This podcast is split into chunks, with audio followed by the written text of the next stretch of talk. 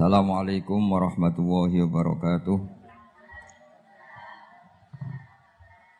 Bismillahirrahmanirrahim. Rabbi shrah li wa yassir li amri wa hlul 'uqdatam min lisani.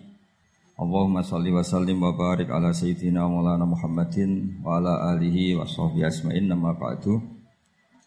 Yang sangat saya hormati Kiai Haji Raden Azaim semua mas saya, semua keluarga besar Kiai Asad yang saya hormati, juga pemateri kedua atau Mu'idha Hasanah kedua Kiai Haji Muslih dari Madura Kemudian wonten Kiai Haji Afifuddin semua yang saya hormati. Niki saya hadir perjalanan terpanjang karena satu tahun. Jadi saya dari rumah 2020 sampai sini 2021 Jadi ini perjalanan yang ekstra Ini bentuk permintaan maaf saya karena kemarin saya datang tapi sudah selesai Gus. Utang katanya sih.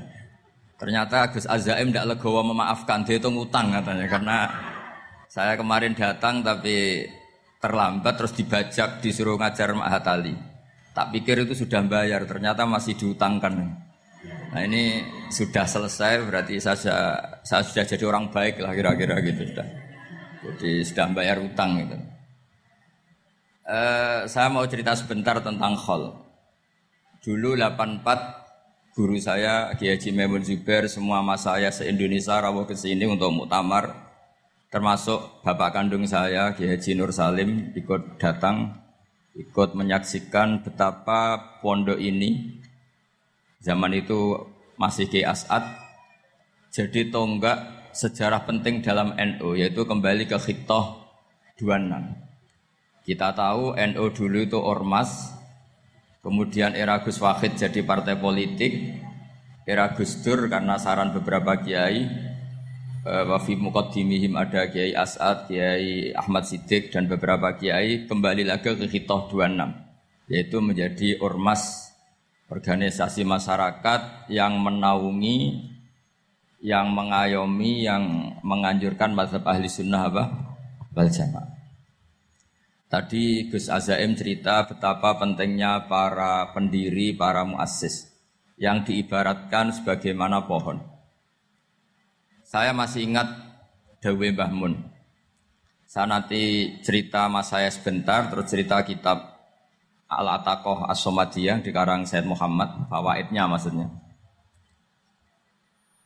Kalau Islam Arab, ini kata Mbah Mun, kalau Islam Arab itu contohnya kayak pohon kurma, jadi kuat dan wajah tasbihnya itu di daunnya tidak jatuh. Tapi kalau Islam Indonesia kata Mbah itu kayak padi, jadi ya agak doyong-doyong sedikit. jadi untuk menghadapi angin besar itu pilihannya dua, Anda kekar kayak kurma atau fleksibel kayak padi. Jadi ya doyong-doyong sidik gitu ya. Ada koruptor sowan, salam templeknya ya diterima gitu ya ada calon bupati cantik ya didukung pokoknya agak-agak doyong gitu. tapi baru kayak doyong itu nggak bisa roboh karena fleksibel jadi kazar in akhraja tahu jadi ada dua tamsil karena memang menghadapi orang fasik, orang dolim ini kita sebagai ulama itu ya kebingungan. Ini mungkin Ki Afif bisa basul masail ini. Karena pertanyaannya gini, saya berkali-kali digojlok sama bapak bapak saya. Berteman orang fasik hukumnya gimana? Pasti dijawab haram. Tapi kalau pertanyaannya dibalik, membina orang fasik hukumnya gimana? Baik. Dan bisa membina kalau berteman.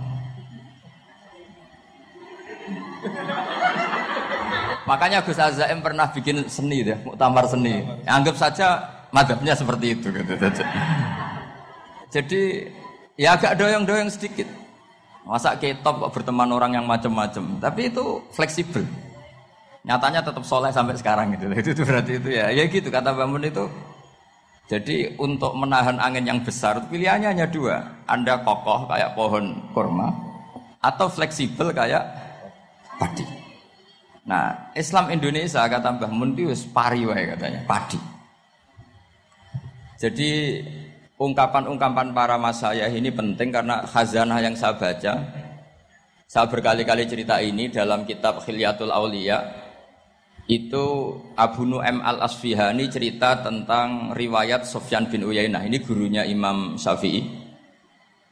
Itu setiap kali Nabi Isa dan Yahya, ini dua nabi yang sekurun, sama-sama masih muda. Nabi Yahya itu senengannya dolan ke orang-orang soleh, menyambangi orang-orang soleh. Tentu itu bagus. Tapi kalau Nabi Isa ini suka menyambangi orang-orang yang fasik, orang-orang yang nggak jelas. Ketika dua beliau ini ketemu, tentu yang perlu jawaban Nabi Isa karena kontroversi berteman sama orang-orang yang nggak jelas. Kata beliau, Innama pun udawil mardo. Seorang kiai, seorang nabi, orang yang baik itu ibarat dokter. Di mana-mana dokter tuh ngobati orang yang apa? Sakit. Kalau Anda dokter dan peneliti satu penyakit, pasti cari daerah yang banyak pandeminya. Masa neliti pandemi di orang-orang yang apa? Sehat. Jadi ini juga perlu dibasul masail karena tadi dibolak-balik itu. Bina orang apa berteman orang fasik hukumnya haram karena wa ingkara dasarin fajanibhu suratan. Tapi kalau bina orang fasik hukumnya baik bisa bina kalau berteman. Jadi fakih itu ya karena diwolak balik. Makanya sholat juga gitu. Sholat yang tumak nina yang lama itu ya bagus. Masa jagongan bek pangeran nggak asik. Jagongan sama teman aja asik. Masa jagongan sama pangeran tidak apa? Asik. Tapi kalau Ibnu Abbas sholat tuh cepet. Ketika ditanya, kenapa kalau anda sholat cepet? Setan baru tata-tata mau goda, saya sudah selesai. Karena setan itu ya jaga jaim tuh, jaga image. Jadi kalau mau doa orang itu ya surinan dulu, macak-macak dulu. Ternyata mau ke situ sholatnya sudah sudah selesai. Lah kebetulan mazhab saya itu yang kedua itu gitu. Jadi kalau Gus Azaim itu sholat lama sekali, itu ada madhab tandingan, yaitu madhab saya. Itu karena ini sepuh saya, meskipun top beliau tapi sepuh saya. Saya sudah 50, beliau baru 40. Ini baru Berarti baru memulai kiai kalau pakai umur nubuah ini baru baru memulai. Jadi mazhab itu penting. Jadi pembanding itu harus diutarakan. Sehingga dalam fikih mana pun itu sebuah madhab itu harus diuji itu lewat pembanding. Dulu itu setiap debat fikih antar ulama itu mesti nggak ada yang menang. Misalnya saya kiai kelihatan miskin itu ya baik supaya santri-santri yang miskin itu punya teman gitu. Karena rata-rata santri itu miskin. Nah, dikancani kiai kan seneng gitu. Tapi problemnya kiai yang miskin itu ya nggak bisa nolong santri karena dia sendiri apa? Miskin. Makanya dulu Imam Syafi'i itu pengagum orang miskin. Setelah ngaji Imam Malik tanya Ya Imam Malik, orang yang sealim jenengan itu siapa? Jawabnya Imam Malik lucu. Dulu Abu Hanifah, sekarang orangnya sudah meninggal ya. Ilmunya dititipkan atau diwaris oleh Muhammad bin Hasan Asy-Syaibani. Akhirnya Imam Syafi'i dibiayai Imam Malik ke Irak. Imam Syafi'i miskin, bisanya ke sana dibiayai Imam Malik. Itu seperti Abu Ya Muhammad masyur ini murid beliau. Kalau ada santri boyong kan mesti apa? Disangoni. Disangoni. Ketika datang ke Irak, Muhammad bin Hasan Asyibani itu nata uang, nata emas itu di ruang tamu. Jadi ngitung uang itu di ruang tamu. Miliatan. Ini kaget, ini kiai kok kedonyan kata Imam Syafi'i gitu. Tapi apa kata Muhammad bin Hasan Asyibani? Anda kagum ini, Anda kaget ini. Kalau kamu menyoal orang soleh kaya, ini tak kasihkan orang-orang fasik biar dipakai judi, dipakai selingkuh, dipakai maksiat. Jangan-jangan. Harta ini harus tetap di orang soleh. Kalau ke orang fasik bahaya. Berarti kiai boleh kaya, boleh boleh. Semenjak itu ada gerakan kiai kudu suka. Ya ada yang kesampaian, ada yang enggak gitu saja. Tapi karena kalau pakai logika fikih, harta itu fitnah. Oke, seakan-akan harta itu masalah. Tapi kalau ini dikuasai orang dolim, maka masalah besar. Jika orang-orang soleh ini harus juga menguasai harta. Nah, terus lama-lama dikiaskan kekuasaan. Kalau yang kuasa ini orang fase, orang tidak sholat ribet. Akhirnya kiai terus dukung, ya akhirnya ikut politik tadi. Eh nak menawa bupatinya kena diatur gitu. Diatur kon sholat orang ngasih proposal maksudnya diatur keng sholat maksud. Ini cerita-cerita apa logika-logika fikih.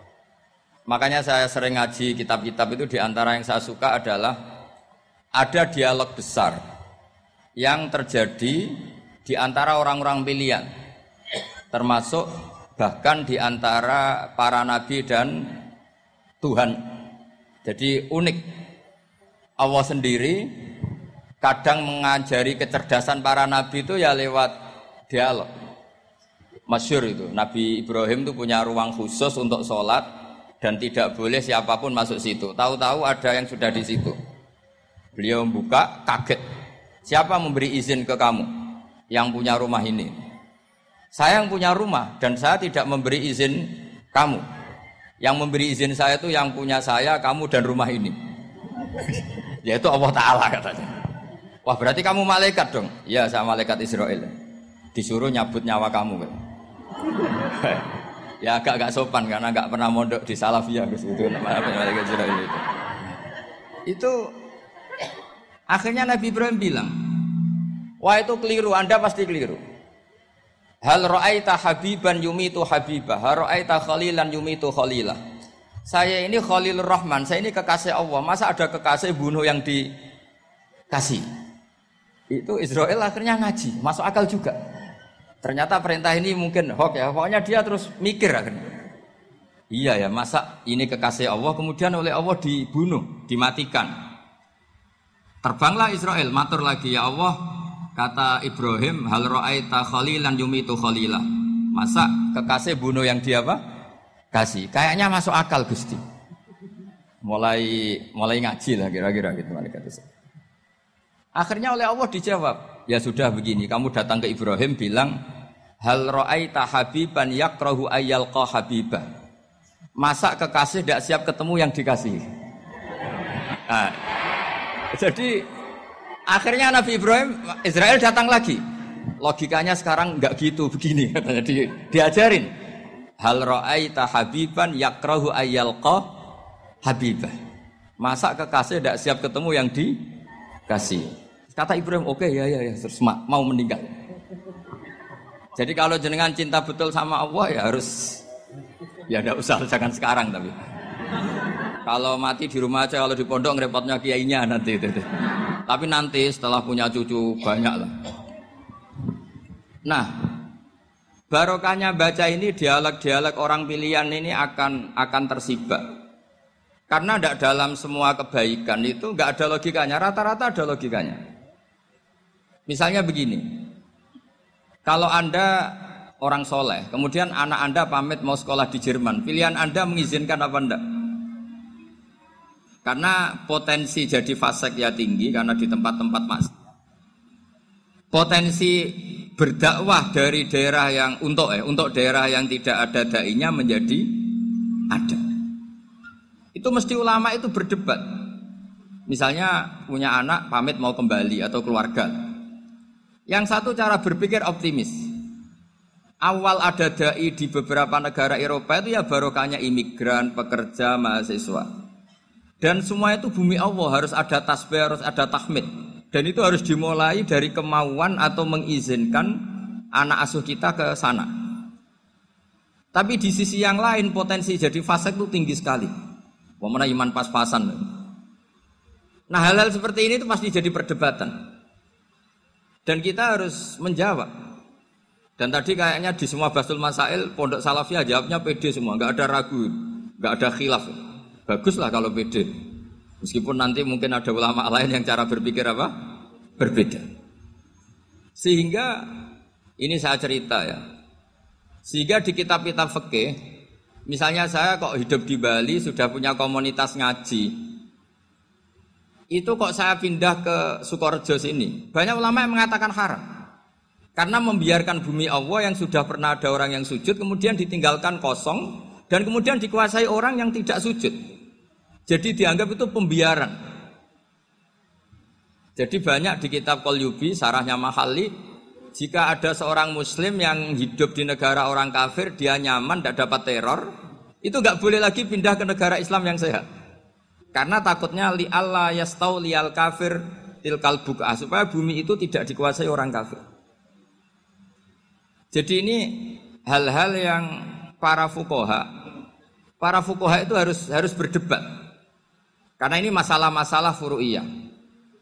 Sehingga mulai dulu ya banyak ulama yang nyun sewu berpolitik, mulai wali songo sampai sekarang alhamdulillah yang minat banyak. Mungkin bedanya ikhlas sama tidaknya. Tapi kalau saya pernah dikeluin utusan dari ya komunitas lah, komunitas. Islam Indonesia itu dulu itu ceritanya banyak yang dari Kamboja. Dari kalau dulu orang cerita itu orang Cempa. Itu setelah di Indonesia besar Wali Songo dan Brawijaya 5 itu sudah mulai oleng, itu singkat cerita mereka berpikir ingin bikin kerajaan apa? Islam di Demak Mintoro dengan raja pertama yaitu Raden Fatah karena Raden Fatah ini putra Brawijaya. Padahal setelah jadi kerajaan ini era cucu sudah konflik berebut kekuasaan. Akhirnya sampai jadi Jipang, jadi Jogja, jadi Solo dan seterusnya. Tapi kata Mbah Mun itu tetap barokah kata. Karena orang Islam terus terbiasa mimpin. Sekeliru-keliru sidik, sebagai orang Islam biasa mimpin. Sehingga zaman Mbah Hashim ya sudah mimpin Masumi, zaman Ki As'ad pengaruhnya besar, sampai sekarang Kiai Kiai pengaruhnya besar. Nah barokahnya Kiai Kiai pengaruh besar ini sampai moral jadi ukuran. Misalnya sekarang ada calon bupati kok nggak sholat, itu pasti kalah. Jadi sholat itu jadi tolok ukur untuk calon apa? Bupati. Meskipun mungkin punya efek pura-pura sholat, tapi nggak apa-apa lah. Sementing moral ini jadi ukuran. Sementara yang di Thailand, di Patani, itu karena dulu pelajarannya tasawuf, itu orang nggak ambisi mimpin dunia. Tahu-tahu dipimpin. Dan akhirnya nyun sewu ya saage Islam-Islam yang dulu terlalu tasawuf karena nggak punya pengalaman memimpin akhirnya lazimnya konsekuensinya hanya dipimpin tapi Islam Indonesia beda karena kulino mimpin itu akhirnya dari orang Islam biasa menjadi Islam yang sholat sampai Islam yang bisa ngaji itu bisa mimpin negara. Tentu yang paling populer dimulai Gus Dur. Jadi ini sesuatu yang barokahnya istihad para kiai sementing Islam kulino mimpin. Jika di Indonesia itu barokahnya itu, kebaikan itu jadi tolok ukur. Ada orang kok terkenal koruptor atau terkenal nyun sewu selingkuh atau terkenal apa itu pasti tidak jadi. Karena moral itu menjadi tolok ukur. Dan itu adalah politik para kiai. Jadi ini saya cerita dan itu negara juga akhirnya untung karena seleksi agama sama negara itu sama, sama-sama kiai ya bilang negara harus dipimpin orang soleh, negara juga bilang seperti itu. Nah, ketokohan-ketokohan para beliau-beliau ini yang mau maulah bekerja sama dengan Umarok kita tahu dulu Pak Harto ya rawuh ke sini ketika Muktamar 84 rawuh ke Kiasat ketika mau kembali ke Khitoh juga dirembuk oleh ulama dan Umarok dan akhirnya ini menjadi negara yang Alhamdulillah semoga selalu menuju baldatun thayyibatu warobun apa khofur. Nah kemudian di sini saya tabarruk dengan Said Muhammad, gurunya uh, Kiai Azaim. Saya mau cerita tentang amaliyah tadi. Saya sebetulnya nggak niat bacakan bab itu, gara-gara ada khataman jumlahnya banyak, saya jadi pusing. Ini panitianya tanya, khatam betul apa enggak? Iya, Gus khatam betul. Tapi kayaknya saya tidak yakin. Karena saya ini kan dari pondok tahfidz itu. Biasanya anak khataman itu ya rodok bodoni itu. Di Wes diwaca buanter sing nyemak yang ndelok pojoke tok. Mergo kebanteren. Nah, akhirnya lafat-lafat yang di tengah itu gak di gak di apa? Baca. Tapi ya semoga dimaafkan Allah lah. Yang jelas itu gak Tapi saya mau cerita ya. Jadi cara berpikir Said Muhammad ini nanti juga saya teruskan di Mahatali. Ini saya baca ya. Di antara yang diyakini madhab Malikiyah. Ini saya baca saja teksnya. Jadi ada ada riwayat namanya kalau Said Muhammad bahasakan itu Atakoh Somadiyah.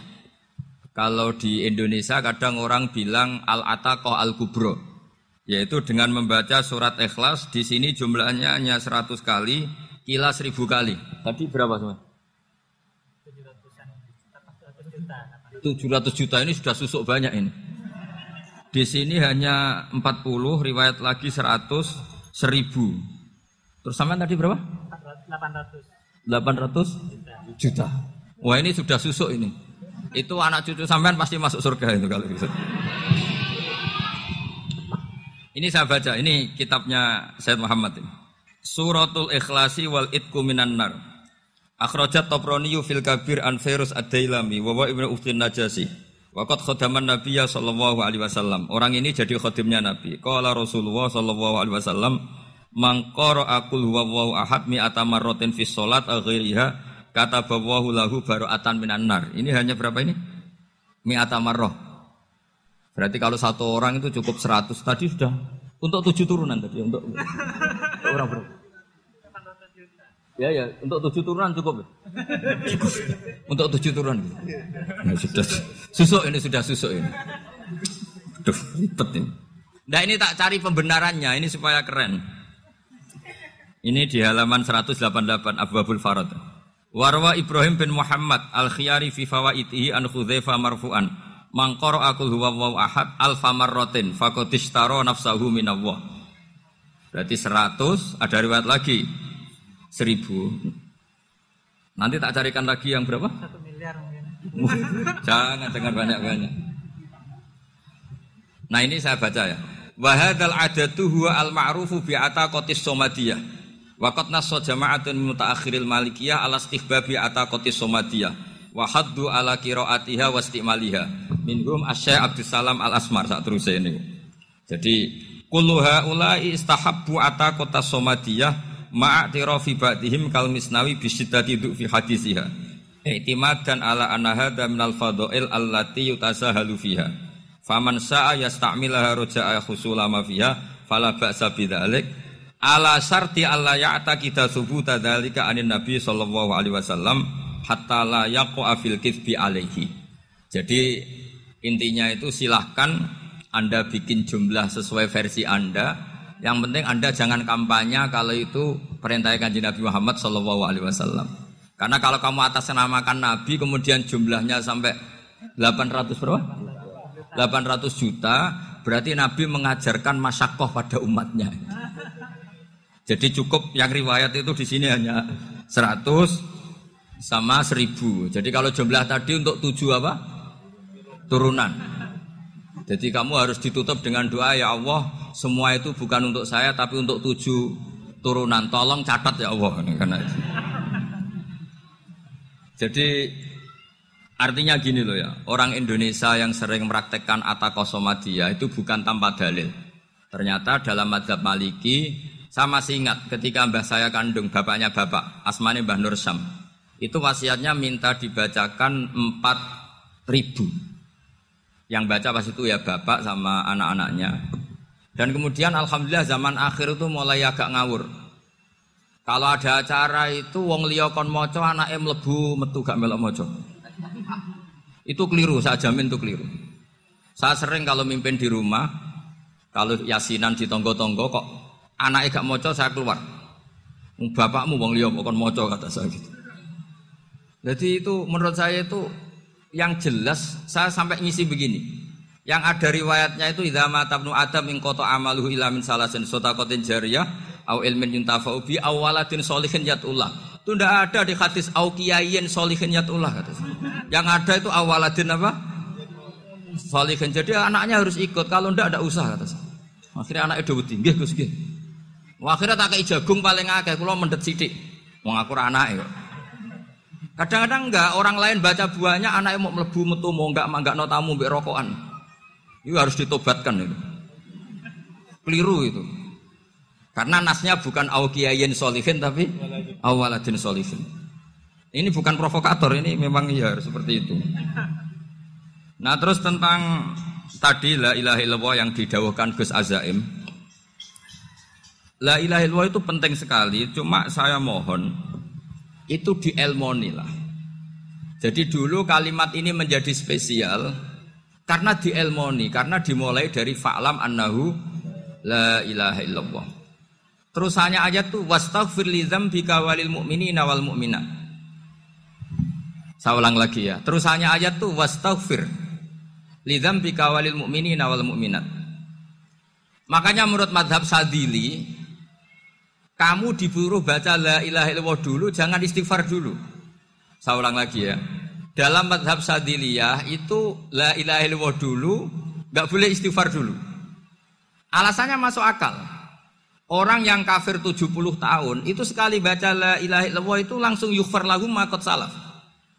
Sehingga la ilaha illallah sendiri sudah punya kekuatan supaya dosa kita diampuni. Qul ladzina kafaru tahu yufar lagu makot salaf. Cara menghentikan kekafiran gimana? Dia melafatkan la ilaha illallah. Ini kalimat yang begitu saktinya sampai orang yang kafir puluhan tahun itu dosanya semuanya terhapus hanya karena melafatkan la ilaha illallah. Nah, Makanya kata Abdul Hasan Asadili, wastaghfir li dzambika ay biadil kalimah. Seseorang sah di istighfar itu kalau melafatkan la ilaha illallah. Misalnya ada orang kafir mati kafir. Sah nggak anak cucunya mengistighfari dia? Tidak sah karena belum melafatkan la ilaha illallah. Makanya kata Abdul Hasan Asadili, wastaghfir li dzambika ay biadil kalimah. Sehingga lafat ini spesial betul. Tapi kadang-kadang beberapa mursid cara berpikir lain. Ini kalimat toibah harus dibaca orang suci sehingga mendahulukan apa? Istighfar untuk supaya pas ngelafatkan kalimat toibah sudah dalam keadaan apa? Suci. Itu juga masuk akal. Tapi secara meyakinkan saya sendiri lebih lebih mengikuti manhajnya Abil Hasan Asadili karena alasannya tadi yang kafir puluhan tahun saja langsung luntur dosanya karena melafatkan la ilaha illallah. Artinya la ilaha sendiri sudah bagian dari istighfar. Nah, ya tadi buktinya.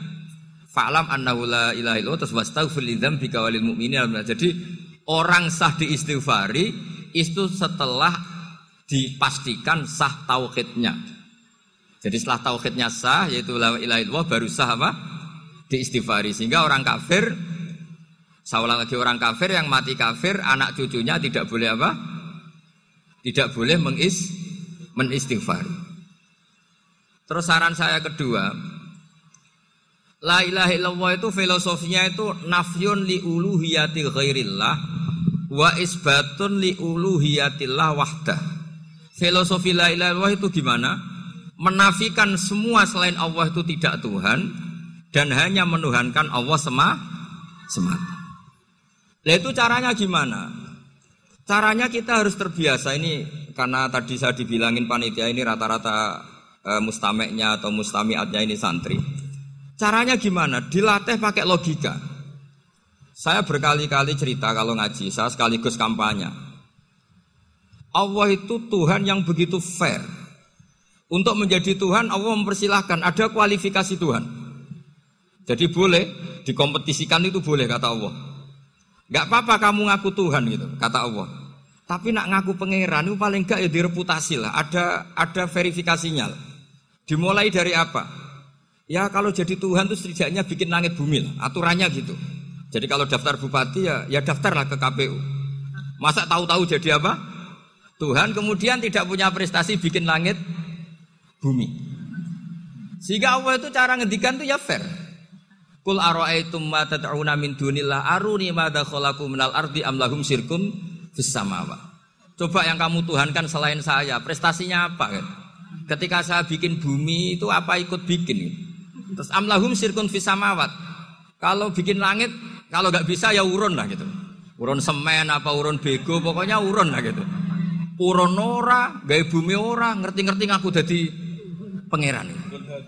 Eh, hatu buranakum. Jadi ya kan ya lucu kan, misalnya syarat kiai di Salafiyah kan keluarga kiai As'ad, cucunya ngaji ngalim.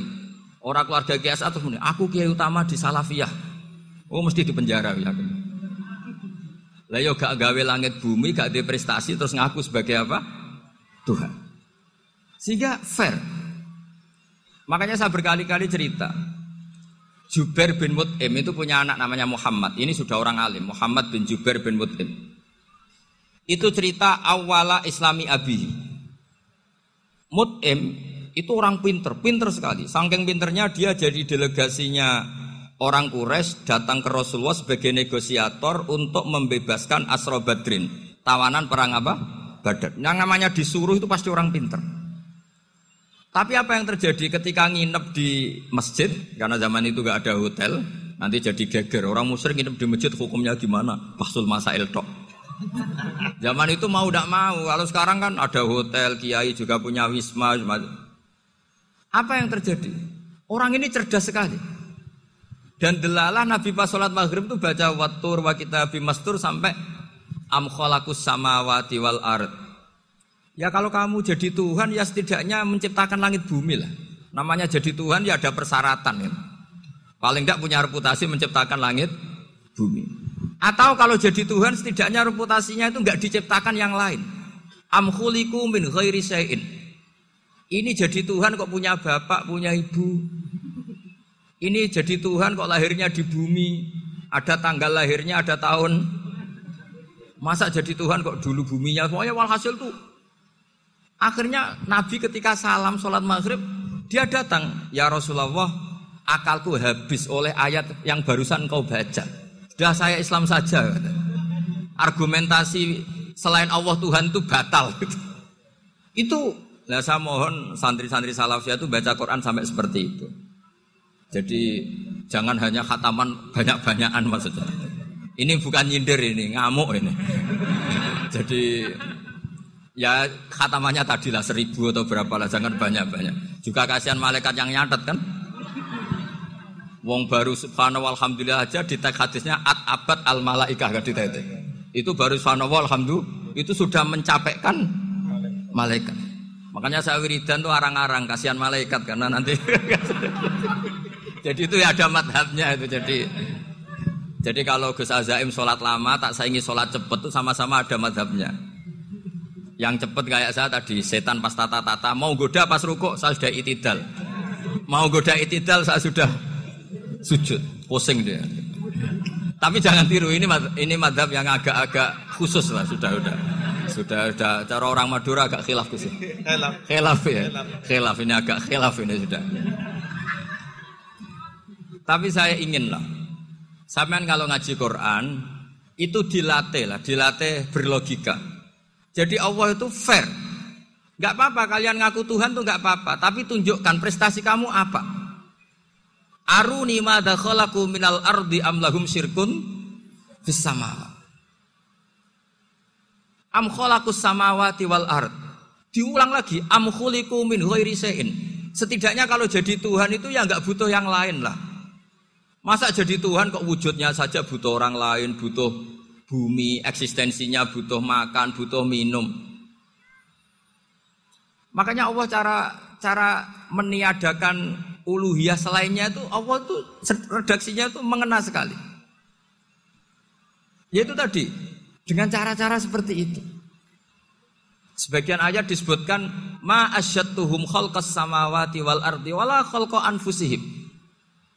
Wong Tuhan kok nggak punya reputasi bikin langit, bikin bumi, bahkan untuk menciptakan dirinya sendiri saja nggak bisa. Ya sudah lah, kamu tidak usah ngaku Tuhan, nggak level kata kata tahu gitu. Akhirnya terus ditemukan Tuhan yang sejati, yaitu wal awal wal akhir wal zahiru wal batin. Itu yang mutim ini tadi termasuk orang yang sangat cerdas sekali. Padahal itu bacanya bukan pas basul masail enggak. Nabi pas sholat maghrib.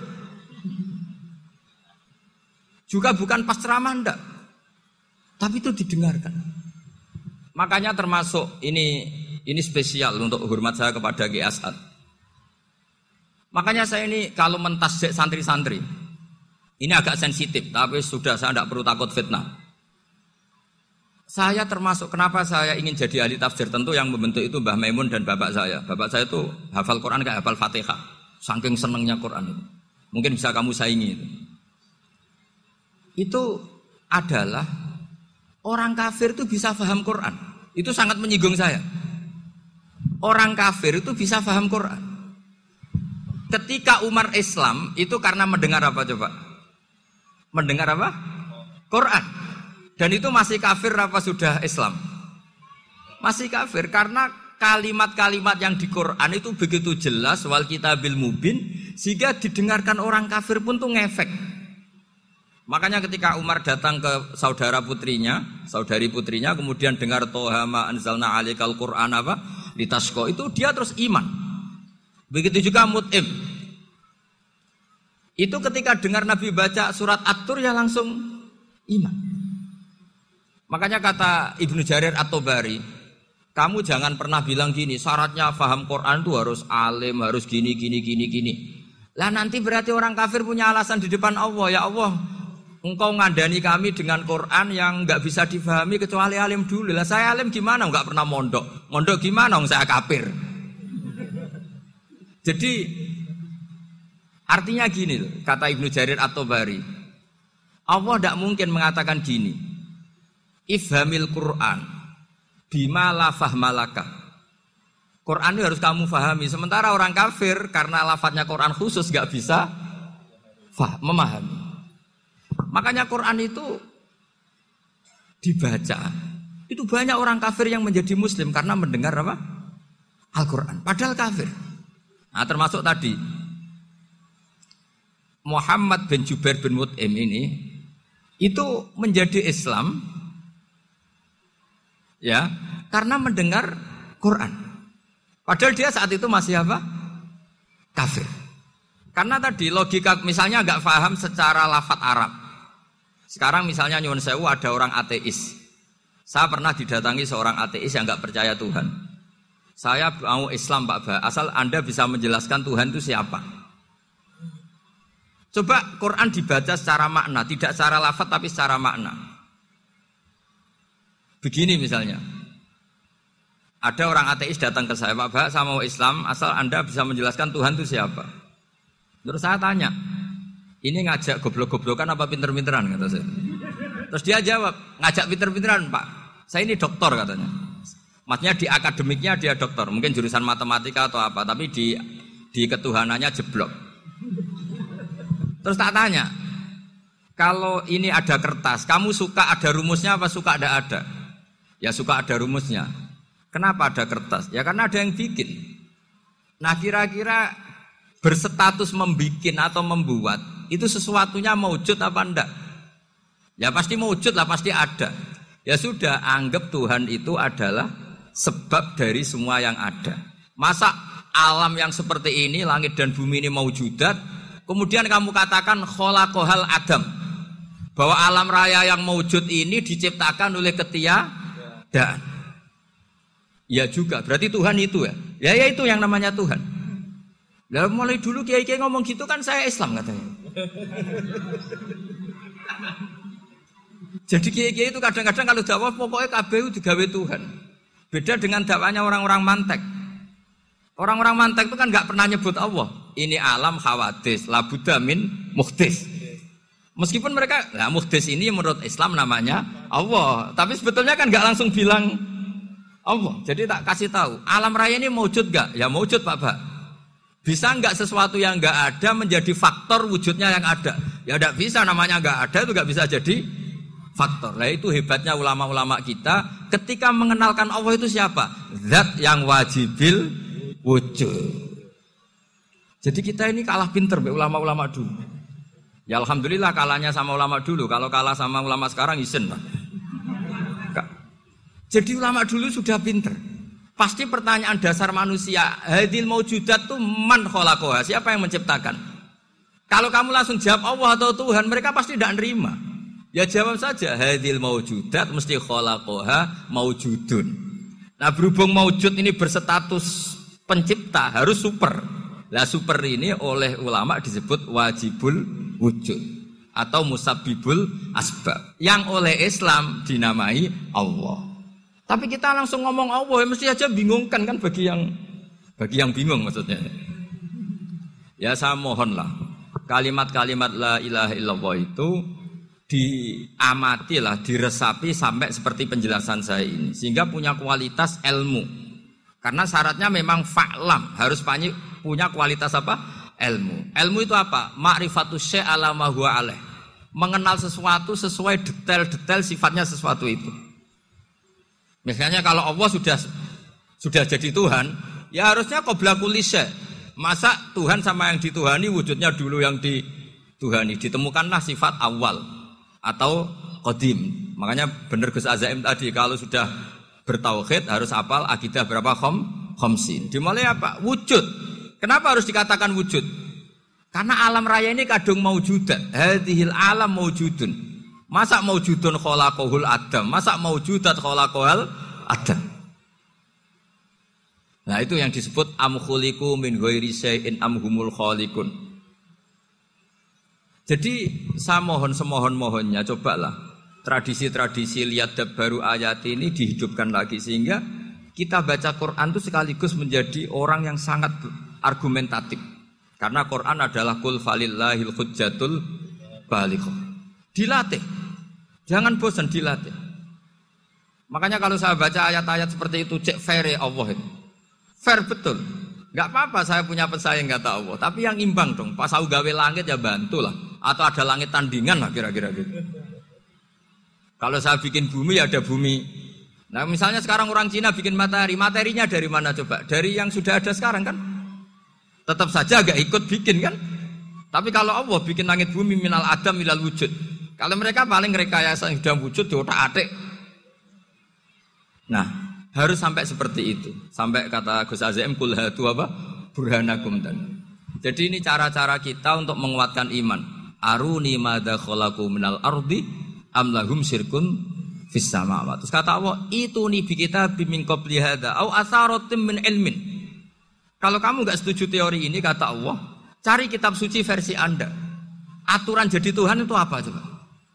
Ya tetap saja semua kitab suci akan mengatakan di mana-mana Tuhan itu pencipta langit dan bumi. Jangan yang lahir di bumi jadi Tuhan. Jangan lata uzah jadi Tuhan. Jangan karena sakti jadi Tuhan. Nah ini di sini pentingnya ilmu balaghah, ilmu mantek yang alhamdulillah di pondok-pondok kita masih diajari. Makanya kata mantek Sebetulnya ilmu akal hanya menemukan hadil maujudat kholakoha maujudun. Nah yang maujud ini siapa? Ya wajibul wujud. Nah kemudian Islam menamai ini Allah subhanahu wa ta'ala. Makanya ulama dulu itu kalau ngetikan Allah itu siapa? Zat sing wajibul wujud. Itu filosofinya luar biasa. Karena dengan seperti ini bisa menafikan teori ateisme. Bahwa alam raya ini diciptakan oleh ketia dan makanya saya bilang tadi ngajak goblok-goblokan apa pinter-pinteran gitu. Lah ngajak goblok-goblokan yang ini hadhil mau maujudat khalaqahal adam. Terus kita goblok bareng. Loh iya kan barang maujud diciptakan yang tidak maujud. Wong ora wujud kok mempengaruhi sing wujud. Ya monggo nak goblok bareng kata. Akhirnya, gak Gus, saya ini dokter masa kamu ajak goblok? Ya sudah pinter saja kata saya. Alhamdulillah karena uh, debat kecil ini dia menjadi nyaman lagi dengan apa? Islam. Memang saya tentu nggak bisa disalahkan doktoralnya karena di ilmu yang selain apa? Teologi gitu. Tapi kan polanya dia pasti pinter. Makanya ini sekaligus mengingatkan anak-anak lah.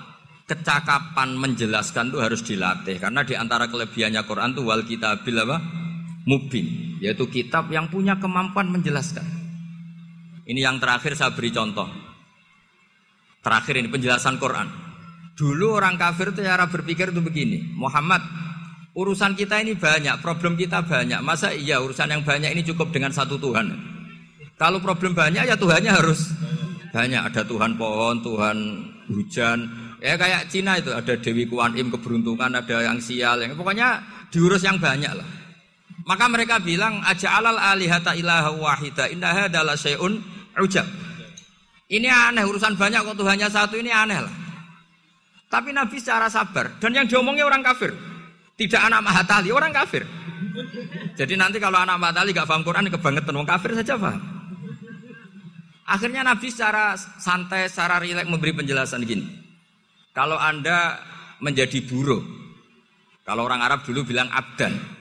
Kamu suka nggak punya majikan banyak, perintahnya beda-beda, semuanya memaksa kamu untuk nurut. Sama punya majikan satu yang baik.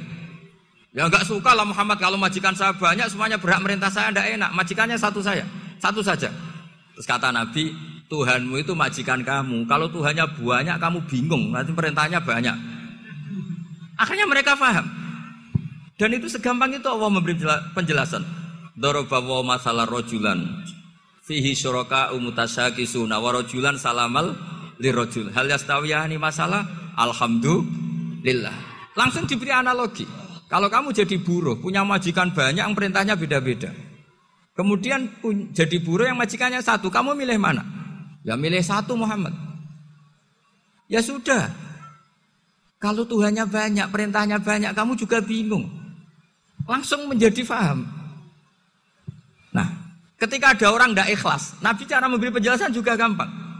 Misalnya saya dikasih uang Gus Azaim, satu juta. Kemudian matur nuwun saya sama Pak Afif. Aneh nggak? Saya ini orang aneh nggak? Orang aneh nggak? Itu Nabi kalau mencontohkan orang tidak ikhlas gitu. Kata kata Rasulullah, orang tidak ikhlas itu sebagaimana orang beli budak. Min kholisi malih. Budak itu dibeli dari uangnya sendiri. Kemudian fa'amilah hadal abdu budak ini kemudian bekerja dan tahu Hasilnya dikasihkan sama orang lain. Terus Nabi memberi percontohan. Ayat surukum ayakuna abdukum kadalik. Apa kamu suka kalau budak kamu seperti itu? Dulu orang-orang dulu kan beli budak untuk disuruh bekerja terus disuruh setor apa hasilnya. Jadi budaknya kamu yang beli, yang biayai. Kalau sekarang mungkin gak ada budak gini lah. Saya nyuruh Zaid tak kasih mobil, tak kasih bensin, tak kasih uang jalan supaya narik angkot. Hasilnya disuruh ngasihkan saya. Ternyata dikasihkan orang lain dan matur nuwun sama orang. Kamu suka punya budak seperti itu? Ya tidak suka ya Rasulullah. Ya ibaratnya seperti itu. Bumi yang bikin Allah, nyawa kamu yang bikin Allah, semua fasilitas dari Allah. Kemudian kamu menyembah selain Allah. Segampang itu. Dan Nabi telaten sampai dulu yang mayoritas orang kafir menjadi mayoritas muslim. Dan semuanya tanpa paksaan. La ikroha fiddin. Karena kota bayana rusdu minal khur. Nah, cara tabayana gimana? Yaitu punya kemampuan menjelaskan. Wal kita apa? Mubin.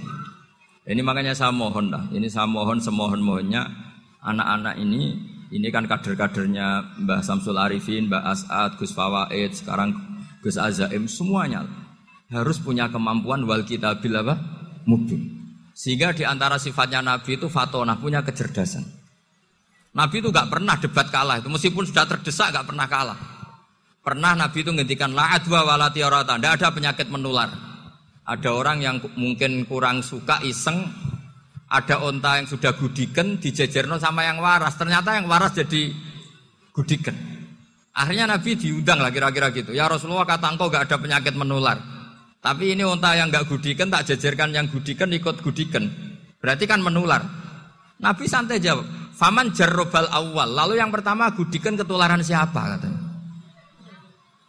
Wah kalau ini asli Nabi ya, ya sudah seperti itu. Jadi ngiranya dia menang karena yang gudikan pertama nulari yang kedua. Ternyata Nabi tanyanya lagi, faman jarrobal awala yang gudikan yang pertama siapa? Oh ini asli ya, ya maksud saya itu. Jadi Nabi itu gak pernah kalah. Karena Nabi punya apa? Fatona. Jadi saya mohon ya tadi makanya ini efeknya tuh khatamannya gak boleh banyak-banyak ya. Maksud saya kalau musim khataman ya gak apa-apa, khataman banyak-banyak. Tapi kalau gak musim khataman ya musim-musim tadabur gitu. Tapi ya tapi kalau ini musim khataman ya monggo lah. Cuma saya kok kasihan malaikatnya ada di itu. Ya mawon minta maaf. Assalamualaikum warahmatullahi wabarakatuh.